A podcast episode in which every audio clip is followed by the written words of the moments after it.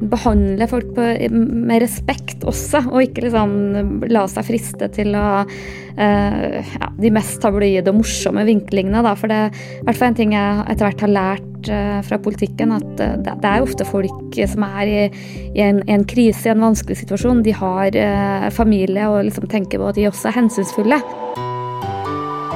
It's a disgrace. And I think they ought to apologize to start with. Dominere mediebildet. A failing media. Pile of garbage. False and fake, fake, fake, fake, fake, fake. Hun har profilert seg som en sterk og tydelig kommentatorstemme for VG de siste tre årene, men over sommeren så blir hun NRK-profil. Velkommen til Pressepodden, Tone Sofie Aglen. Tusen takk. Vi skal snakke mer med deg om den nye jobben i NRK, hvorfor du vil ha den og hva det vil bety for din nye arbeidshverdag. Men aller først, her er noen ord fra våre annonsører.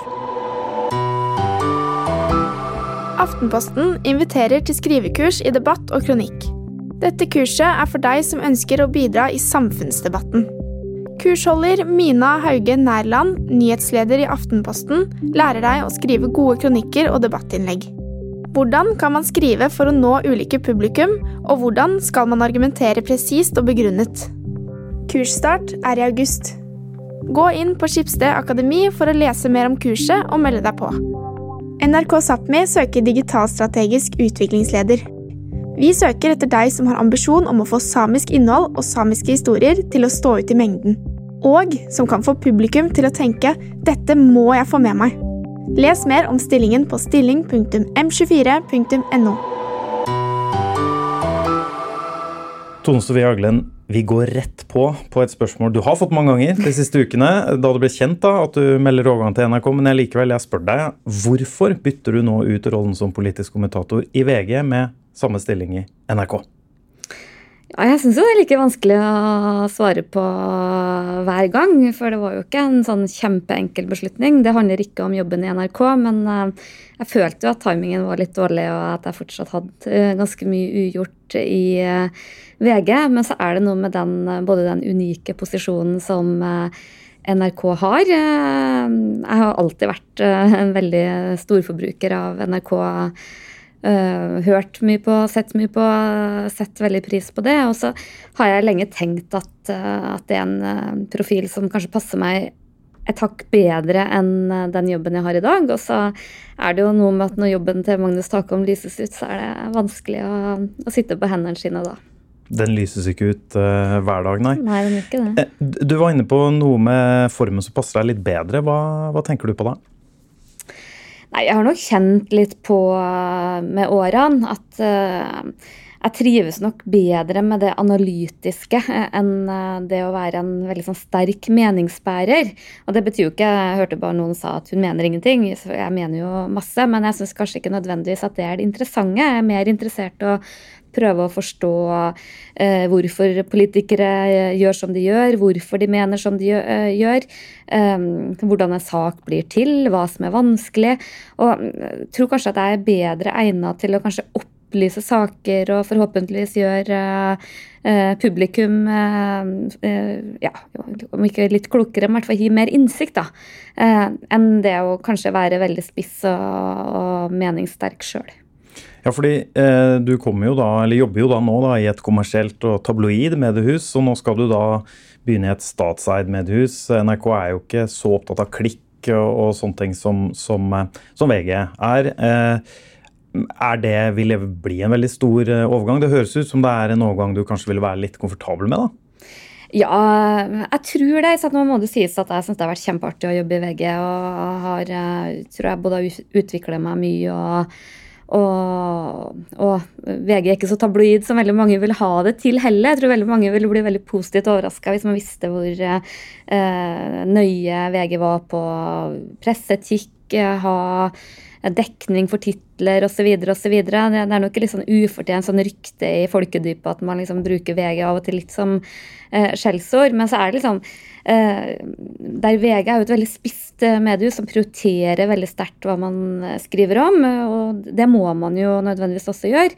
Så har jo NRK et samfunnsoppdrag som eh, skal gå mye bredere, hvor du eh, må sette deg inn i type saker, lære deg saker, skrive om saker, snakke om saker som ikke nødvendigvis ville nådd VG-fronten. og Det, det syns jeg er eh, viktig. Og så er det jo selvfølgelig deler av det kommersielle som jeg har følt meg litt sånn fremmed i. Det er ikke noe hemmelighet at det å kaste terning på politikere etter sånn TV-debatter og sånn, det, eh, da har jeg krympa meg ganske mye, og det har jeg vel heller ikke lagt så veldig skjul på. Men det er liksom en kamel jeg måtte svelge med å jobbe i, i VG, som jeg Så jeg håper i hvert fall at jeg slipper i NRK. Um, du um er jo kjent for å, for å, ha en eh, skarp og tydelig penn i begge, eller i alle politiske retninger. Jeg har hørt flere som, som, eh, som, trekker det fram.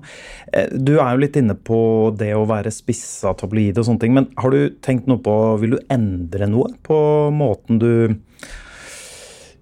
jobber på? Vil det bli mindre tabloid og spissa, mindre skarpt? Har du, hvilke tanker gjør du deg rundt det? Ja, det tenker jeg jo veldig mye på. det, og det er jo eh, Egentlig har jeg liksom ofte tenkt at eh, det å få være kommentator, det er på en måte en en drømmejobb hadde det ikke vært for uh, dette her med vinklinger og, og sånn. For det, det, er jo tror jeg noe vi alle tenker på når vi lager saker. Også dere i Medie24, må få lov å si det. Uh, så er det jo hvordan i all verden skal jeg få leseren til å lese det her. Uh, og noen ganger så kan du jo sitte med litt sånn der klump i magen og bare og, liksom, Gikk jeg vel langt i denne tittelen? Det kan ting kan se veldig fint ut i en sammenheng og forståelig, men så kan det liksom alene sammen med et bilde slå veldig hardt. Da. Og det er noe jeg tenker, har tenkt veldig mye på i VG med, med, det meste jeg gjør. Og jeg tror nok at jeg må tenke enda mye mer på det i uh, NRK. Og kanskje særlig det med å uh, ikke være nedlatende. Uh, for, for, det merker jeg jo sant, politisk at noen saker så trenger du liksom ikke å være standup-komiker for å liksom score litt sånn billige poeng. Liksom, lenge var det sånn med Jonas Gahr Støre når han sleit som Arbeiderpartileder. ikke sant? Eh, nå ser vi det litt med Vedum og Senterpartiet, som etter liksom har blitt Alle har liksom prøvd å knekke Vedum-koden, så nå som han virkelig sliter, så er det liksom ja, det er liksom, hvor, hvor, langt skal man gå liksom, og, på folk som uh, ligger litt nede? da, Du så det med Ropstad-saken, med pendlerboligsaken. Liksom, når den type saker kommer, så er det liksom noe å behandle folk på, med respekt også, og ikke liksom la seg friste til å uh, ja, de mest tabloide og morsomme vinklingene. Da, for det er i hvert fall en ting jeg etter hvert har lært Eh, fra politikken at eh, det er ofte folk som er i, en, en, krise, i en vanskelig situasjon. De har eh, familie og liksom tenker på at de også er hensynsfulle. Mener, mener at jeg har tenkt mye på, men at jeg også må tenke enda mye mer på. Mm. Kan i hvert fall bekrefte at vi med 24 andre journalister også, det er noe man kjenner seg igjen i det. Mm. Det å tenke på vinklinger. Eh, hver dag. En det skjedde jo for øvrig sist jeg var i Pressepodden, så hadde jeg jo et utsagn her som Som ble veldig spissa, jeg husker det. ja, ja. og det, eh, Jeg sa vel det jeg fortalte når jeg begynte i, eh, i Adresseavisa. Da kom jo jeg fra utenfra, uh, utenfra journalistikken og hadde jo tidligere vært politiker og fortalte at mange var liksom skeptiske til meg og syntes det her var wildcard og sånn. Det var vel et eller annet du satt på kontoret og gråt? Ja, jeg husker jeg fortalte liksom, at jeg liksom satt på kontoret en dag og liksom bare gråt, faktisk. Og, og, og bare liksom angra litt på på det valget mitt. Uh, og, og, det ble jo liksom en veldig sånn hard Jeg skjønner jo at det, at det er en pirrende tittel, men det, liksom, det, forsvinner jo litt utafor den litt sånn humoristiske konteksten jeg fortalte i. Mm. Men jeg kan fortelle at kolleger av meg i, i, VG har faktisk trykt opp det sitatet på en T-skjorte til meg som et par andre sitater, så det lever videre. Ja, men Det er jo godt å høre at Med24 setter spor. Kommer du til å bruke T-skjorta? Ja, litt usikker. Det var et par andre sitater der som jeg er litt mer usikker på om tåler dagens lys, som ikke er fra Medie24. Nå ble jeg nysgjerrig, men ok, vi skal følge opp det neste gang du er i, i Pressepodden. Det, det, vil sikkert skje, Tone Sofie. En ting som jeg tenkte skulle spørre deg om, som blir en eh, stor overgang for deg, uh, unektelig, er jo at um, du har jo primært kommentert og analysert i VG skriftlig. Uh, nå blir det mm, fortrinnsvis direkte, mye TV, radio. Eh, du har jo hatt TV-opptredener og mye på Dagsnytt 18, Politisk kvarter og, VGTV, ikke minst. Men nå blir jo det mye, mer, mye større del av arbeidshverdagen din. Hvordan ser du på den overgangen?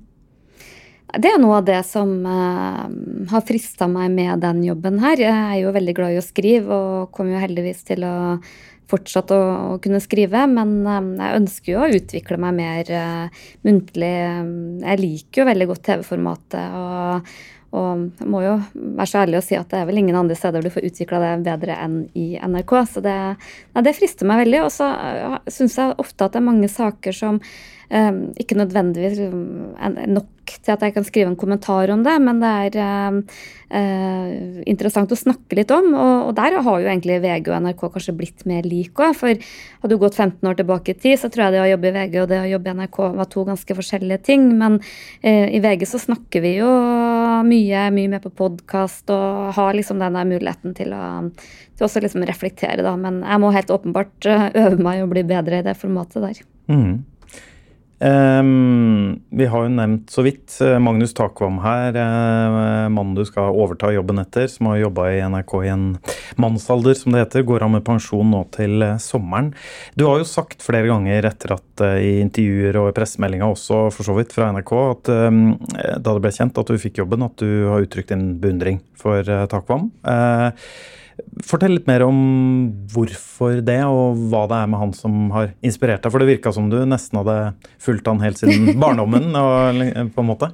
Jeg tror jeg sa på spøk en gang, eh, jeg husker ikke helt hvor det var, men at han, jeg var sånn truende til å ha hatt sånn poster med Magnus Takvam og Harald Stanghelle for den del på rommet. Nå tror jeg ikke det fantes uh, som sånn posterutgave. Sånn topp-poster uh, som han hadde før, ja. ja. Men jeg liksom var jo veldig fascinert og imponert over dem fra jeg var ganske liten. Jeg var nok et ganske nerdete barn som satt og fulgte nøye med på valgsendinger og alt. Eh, så jeg er jo statsviter sjøl, har jo studert eh, valgforskning. Eh, ble jo etter hvert også det faget som jeg fordypa meg i. og han har jo hatt en helt sant, unik posisjon som kommentator.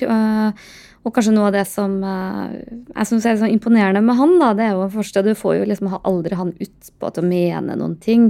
Men han har også en sånn egen sånn ro over seg.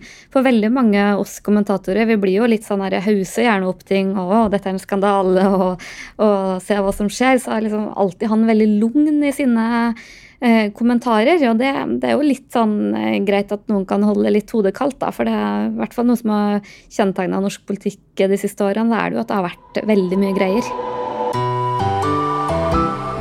Skipsted er i flere år kåret til Norges mest populære arbeidsplass. Lederskap står høyt i fokus, og nå kan du få muligheten til å melde deg på våre lederkurs.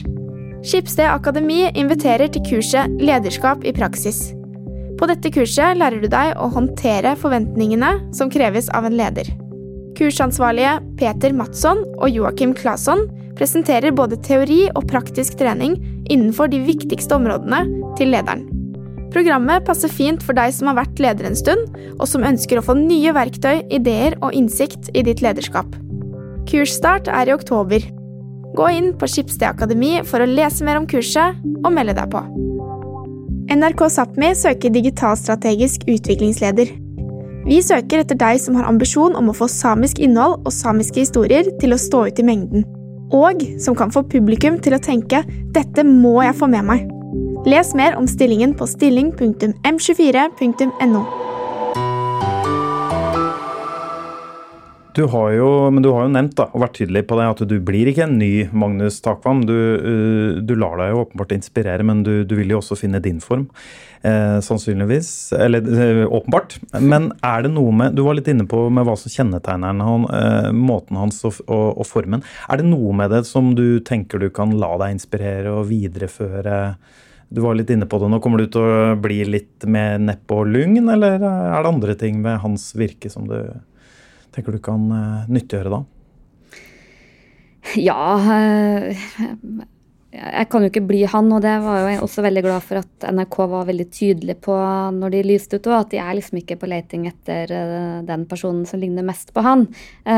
de sier at en kommentator liksom, vil dra med seg mye personlighet, som jeg så de sa i utsagnet, og det setter jeg veldig pris på at man får det, det rommet.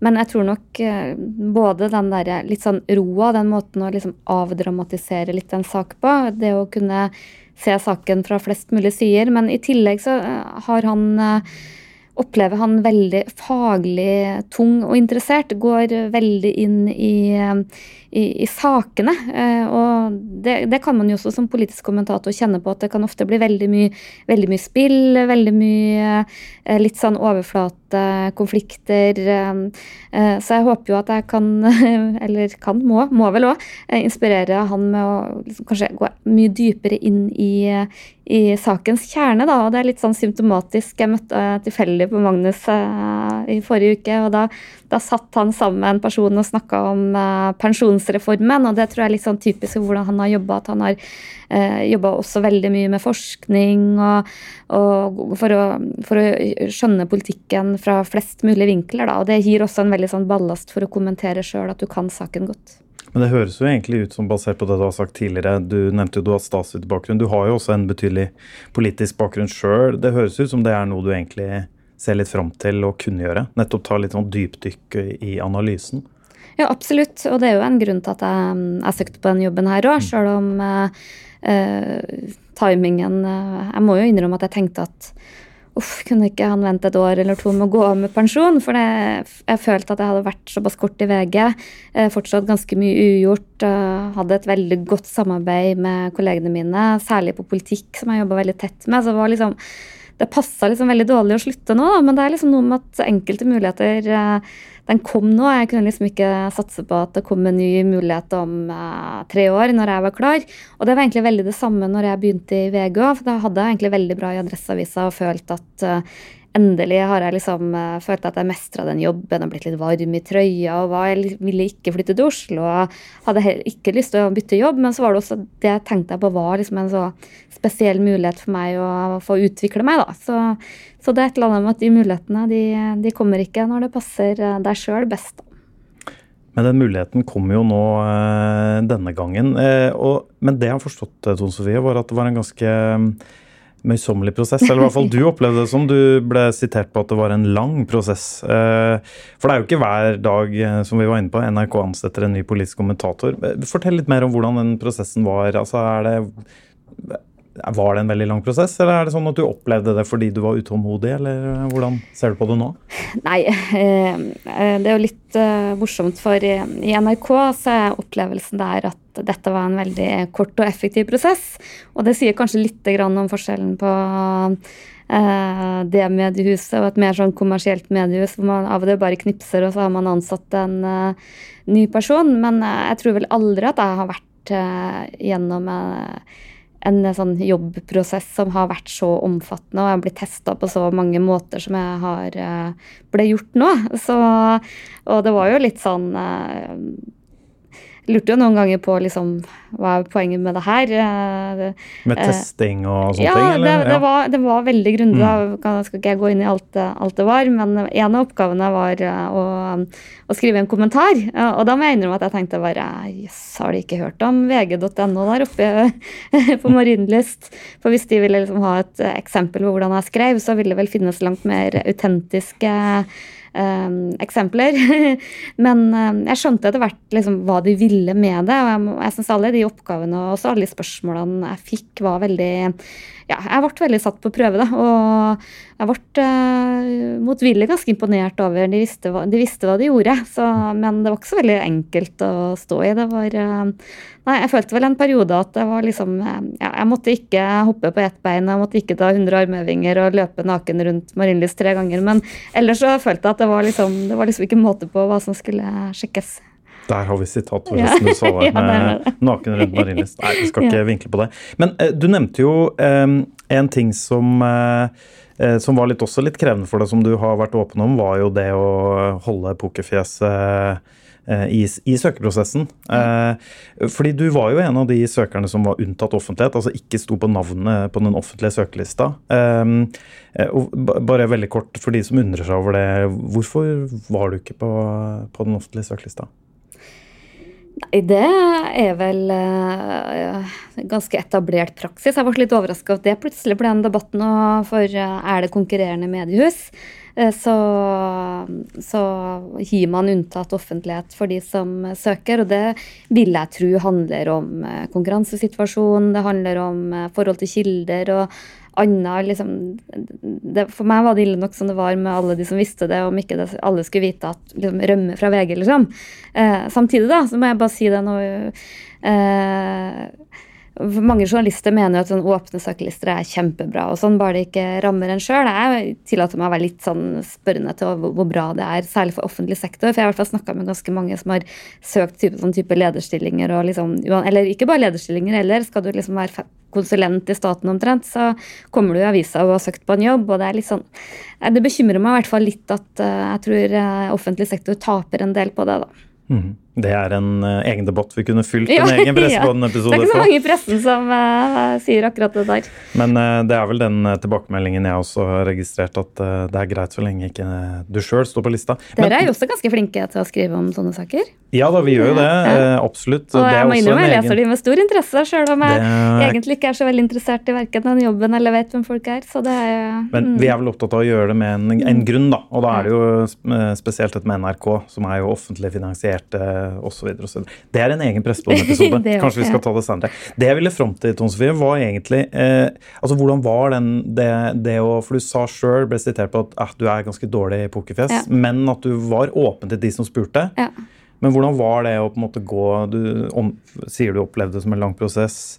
Var det vanskelig å på en måte holde, det, holde pokerfjeset, da? Eller forsøke å holde pokerfjeset? Eh, ja, det er jo kanskje derfor jeg følte at den var så langvarig, mer enn uh, at den var det. Fordi det var så utrolig mange spørsmål og kommentarer og analyser og spekulasjoner. og jeg fant jo veldig tidlig ut at uh, hvis jeg hver gang noen spurte meg, skulle begynne sånn øh, ingen kommentar eller et eller annet, så ville jo Så jeg var egentlig veldig åpen uh, på jobb uh, til alle som spurte. og spilt med åpne kort. Og også sånn kolleger i andre mediehus og sånn spurte meg, så um, sa jeg stort sett som sant var, at ja, jeg vurderer Eller ja. Det, og det er jo ikke noe enkelt, fordi for det første så er det jo litt sånn kan jo fort liksom bli oppfatta som er ikke jobben din bra nok, ikke sant. Og det Eh, særlig for kollegene så tror jeg jo liksom at det var litt sånn eh, Jeg fikk ganske mange stikk underveis om hvor kjipt det er å jobbe hvor kjedelig det er å jobbe i NRK.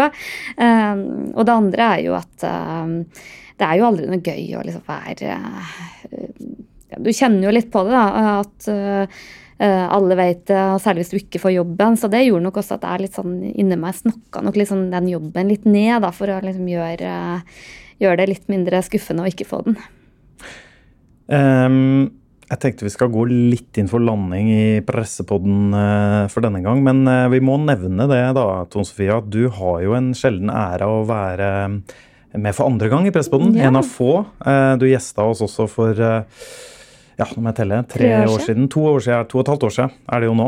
Eh, da snakket vi om mye. Du, vi har vært inne på noe av det allerede. Da du gråt på kontoret med, og bar Vulkan-saken osv. Men det vi også snakka om, var Oslo-bobla. For da hadde du jo bare hatt et drøyt halvår etter at du flytta ned fra Trondheim. Og vi snakka litt om, om, om, den overgangen.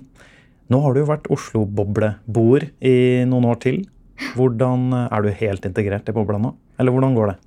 Nei, Jeg føler nok at jeg har blitt uh, kanskje litt for godt integrert. Jeg var i Trondheim forleden og så tenkte jeg bare nei, gud, så kaldt det var her, og så lite folk og ingenting som skjer. Så tenkte jeg nei, nå, altså, nå, nå har du vært for lenge i Oslo, så uh, Nei, det er jo noe jeg mm, selvfølgelig tenker mye over, for det er en ting jeg er litt sånn opptatt av også journalistisk. At uh, det er ikke noe galt med Oslo, overhodet ikke, og heller ikke uh, Men særlig for meg som er innflytter, så er det veldig lett at de jeg omgås, de jeg blir kjent med, er jo gjerne folk som har samme type jobber som meg, som er en del av ja, en slags makt eller journalistisk elite. eller og, og, kanskje veien til uh, vanlige folk blir litt lengre. Da. Det, er jo veldig stor forskjell når jeg er hjemme, så er jo liksom omgås jeg alle mulige slags folk. Mens her blir det veldig fort kolleger og sånn. Og det tror jeg er veldig viktig å være veldig bevisst på. For det er ikke nødvendigvis et sånn riktig bilde av hvordan alle tenker. Og, og noe av det som uh,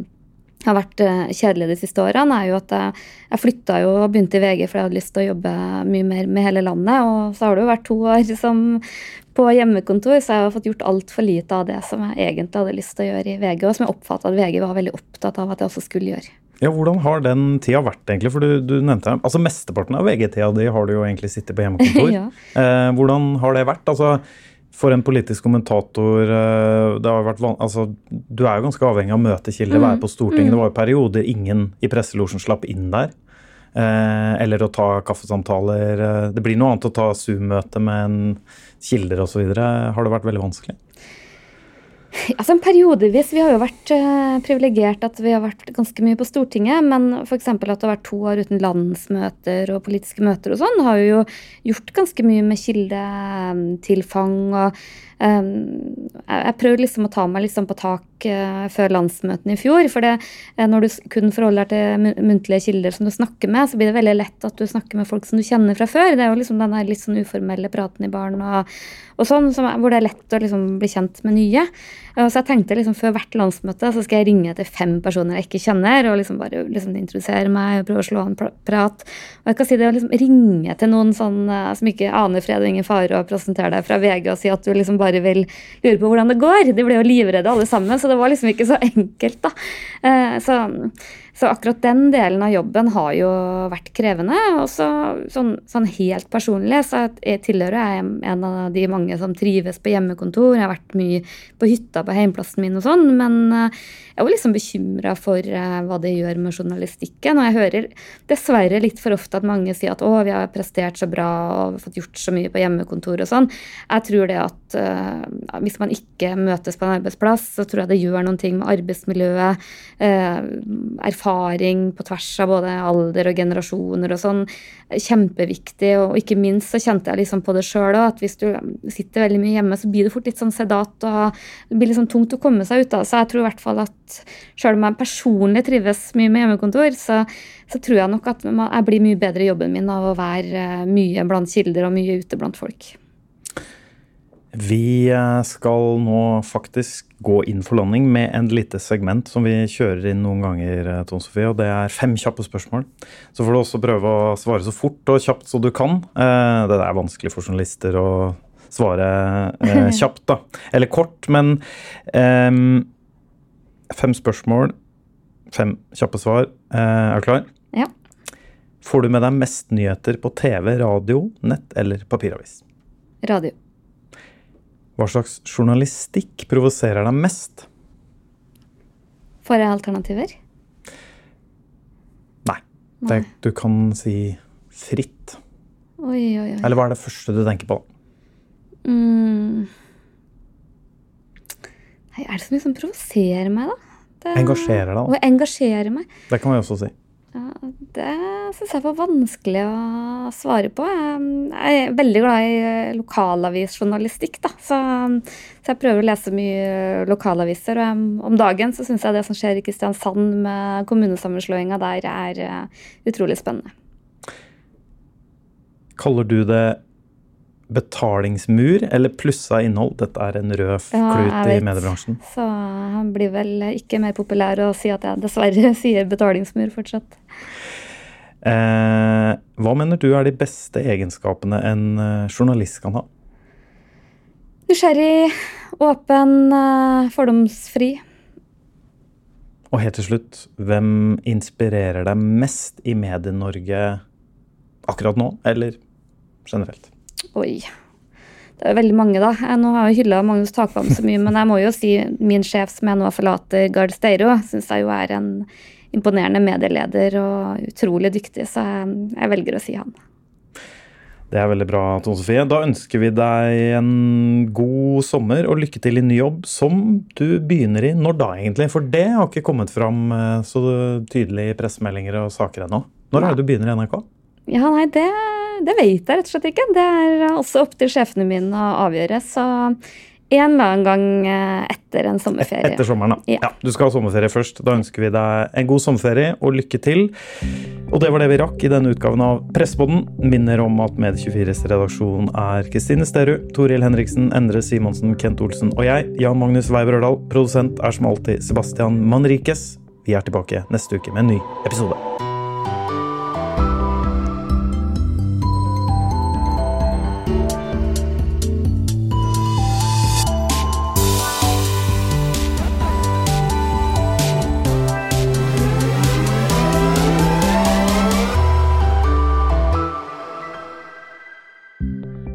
Skipsted er i flere år kåret til Norges mest populære arbeidsplass. Lederskap står høyt i fokus, og nå kan du få muligheten til å melde deg på våre lederkurs.